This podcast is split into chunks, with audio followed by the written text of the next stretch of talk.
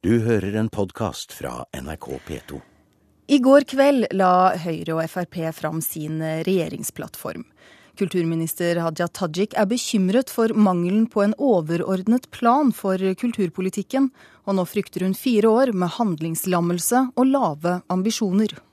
Når man legger frem et dokument som viser at man ikke har en overordna plan for kulturlivet og kulturpolitikken, så er jeg redd for at dette området vil preges av eh, handlingslammelse, av stagnasjon.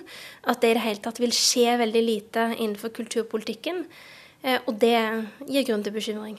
Ser du her noen punkter som vil eh, bli en utfordring for dem i Stortinget? Når kulturkapitlet er dominert av punkter som er vage, og, og, som det er kulturpolitisk konsensus omkring, så vil det jo ikke være vanskelig å samle et flertall omkring de punktene. Det jeg er redd for, er at man kommer til å være ambisjonsløs. Reporter var eh, Thomas Alvarstein Ove. Og dette var altså kulturminister Hadia Tajiks innspill til den nye regjeringens kulturpolitikk. Og Venstre-leder Trine Skei Grande, du er med oss direkte fra Stortinget. Kulturministeren frykter at Høyre og FrPs kulturpolitikk vil bli eh, ambisjonsløs. Og selv så har du uttalt at den mangler visjoner. Hvorfor det?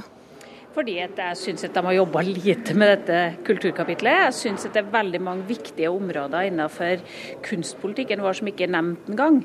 Man har tildelt proffboksinga, som jo kanskje unngår en liten mikroskopisk del av norsk idrettspolitikk med et eget strekpunkt, mens svære kulturfelt som bibliotek, museum, eh, billedkunsten vår, scenekunsten vår, veldig mange felter som ikke er nevnt.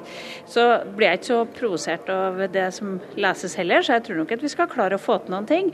Men jeg hadde håpa at regjeringa eh, den kommende regjeringa hadde brukt litt mer tid på å definere noen visjoner og noen viktige grep å gjøre. Det her må nesten eh, stortingspolitiker for Høyre Torbjørn Røe Isaksen få svare på, for du er også med oss på Stortinget. Jeg lurer på, Mangler dere i Høyre og Frp visjoner og ambisjoner, som eh, Trine Skei Grande og Hadia Tajik har uttalt?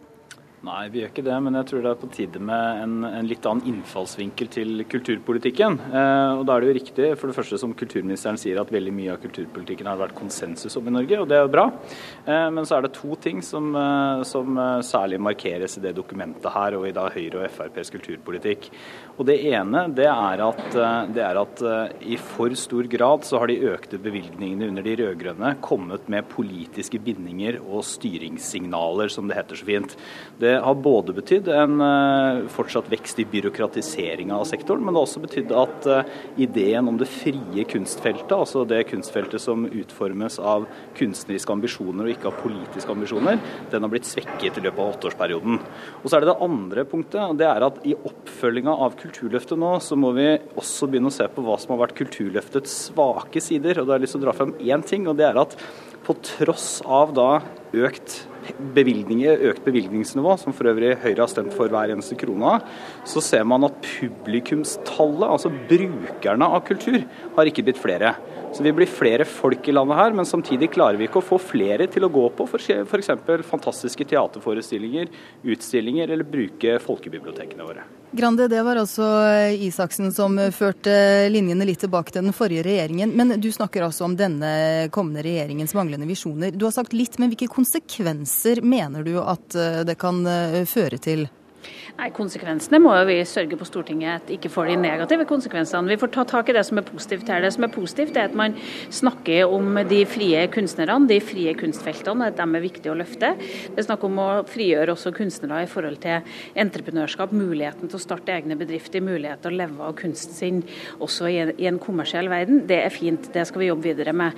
Men det som jeg savner da, er når man har kritikken mot Kulturløftet, som jeg er helt enig i, så må man ta det skrittet ut. Da må man si at da må vi gjøre noen ting for biblioteksektoren. Ja, for Derfor har vi tatt til orde for en bibliotekmilliard som kunne ha vært med på å utvikle nye bibliotekkonsept, og utvikle biblioteket som, som, viktig kunnskapsinstitusjon og kulturinstitusjon i et, i et nytt Norge. Ja, for Hvilke helt konkrete kultursaker savner du? Du har snakka litt om, om bibliotek her, men hvilke konkrete saker? Nei, Jeg hadde jo venta meg at du kanskje hadde tilsvar på det som var Enger-utvalget sine innvendinger mot Kulturløftet. Hvordan skal vi utvikle bibliotekene våre? Hvordan skal vi utvikle museene våre, formidlinga? Hvordan skal vi engasjere flere rundt kunst og kultur? Men også ha noen målsettinger om at vi skal ha eh, et godt scenekunstfelt og gode billedkunstfelt, at vi skal ha satsinger, men også kanskje spre mer makt innenfor de feltene, som gjør det mulig å, å komme med litt motytringer, ha en større ytringsfrihet også innenfor kunsten. For det er det som kunstpolitikken er annerledes enn all mulig annen politikk. Når vi holder på med helse, så er det om å gjøre å bruke pengene mest mulig effektivt. Når det er om å gjøre innenfor skole, så skal vi liksom få mest mulig kunnskap ut av hver krone. Kunst og kultur er ytring. Det er ytringer, og det bør ha politikken skapes ut fra et ytringsfrihetsperspektiv.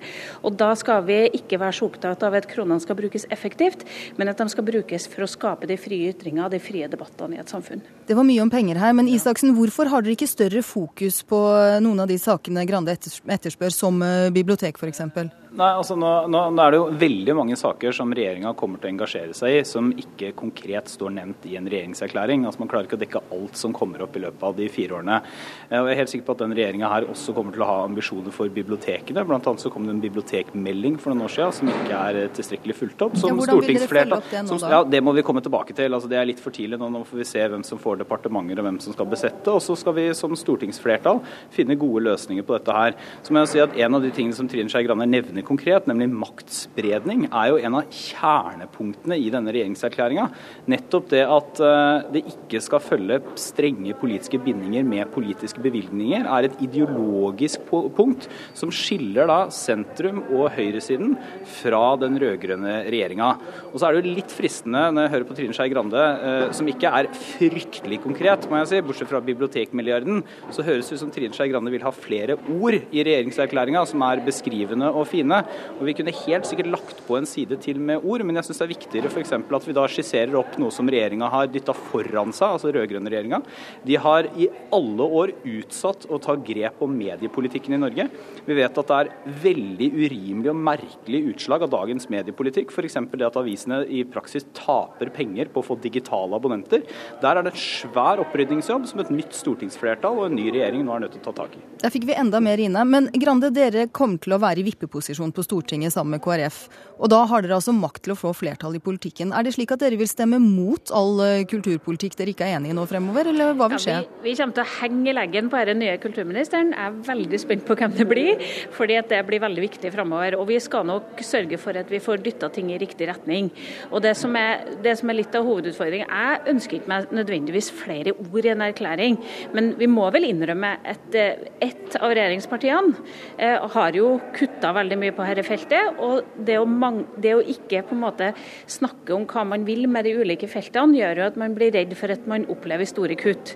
Og Det er det som jeg er engstelig for, og det er det vi kommer til å kjempe imot. Det fordi, det. fordi jeg stoler nok på Høyre her, og så er jeg litt usikker på om Høyre har tapt litt når de laga formuleringa, eh, men jeg håper det ikke er sånn. Før vi kommer med flere, jo, men før vi kommer med noen flere innspill her nå, så skal vi høre et, et eh, lite kutt fra, fra den sittende kulturministeren Hadia Tajik igjen. Jeg er glad for at Trine Skei Grande vil være vaktbikkje på Stortinget, men eh, jeg er jo litt overraska over at hun ikke var vaktbikkje når hun lagde en samarbeidsavtale med Høyre og Fremskrittspartiet.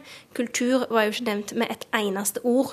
Der hadde Venstre muligheten til å vise muskler og initiativ og ambisjoner. De gjorde ingenting.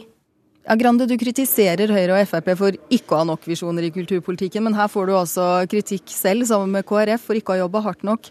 Hvor... Nå skal jeg ikke prøve å høres ut som en arrogant gammel dame, men Haja Tajik har nok ikke opplevd mindretallsregjeringa og vet ikke helt hvordan det fungerer. Og det å lage en sånn samarbeidsavtale handler om at vi skal lage avtale på de tingene der vi bytter flertall mot hverandre.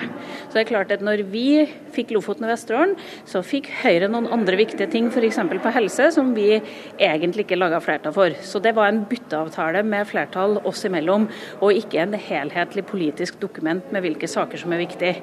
Men jeg jobber gjerne sammen med Haja Tajik her på Stortinget eh, for å få til en god kulturpolitikk for Norge. Eh, Venstre og, og Høyre har jo i sine alternative budsjett stort sett ligget langt over regjeringa på kulturbevilgninger de siste årene, og jeg håper jo at de tar med seg det i regjeringa. Da, da, kanskje... da må vi nesten sette strek der til dere, og så får dere ta kulturpolitikken opp i Stortinget når den tid kommer. Takk skal dere ha begge to, Venstre-leder Trine Skei Grande og stortingspolitiker for Høyre Torbjørn Røe Isaksen. Du har hørt en podkast fra NRK P2.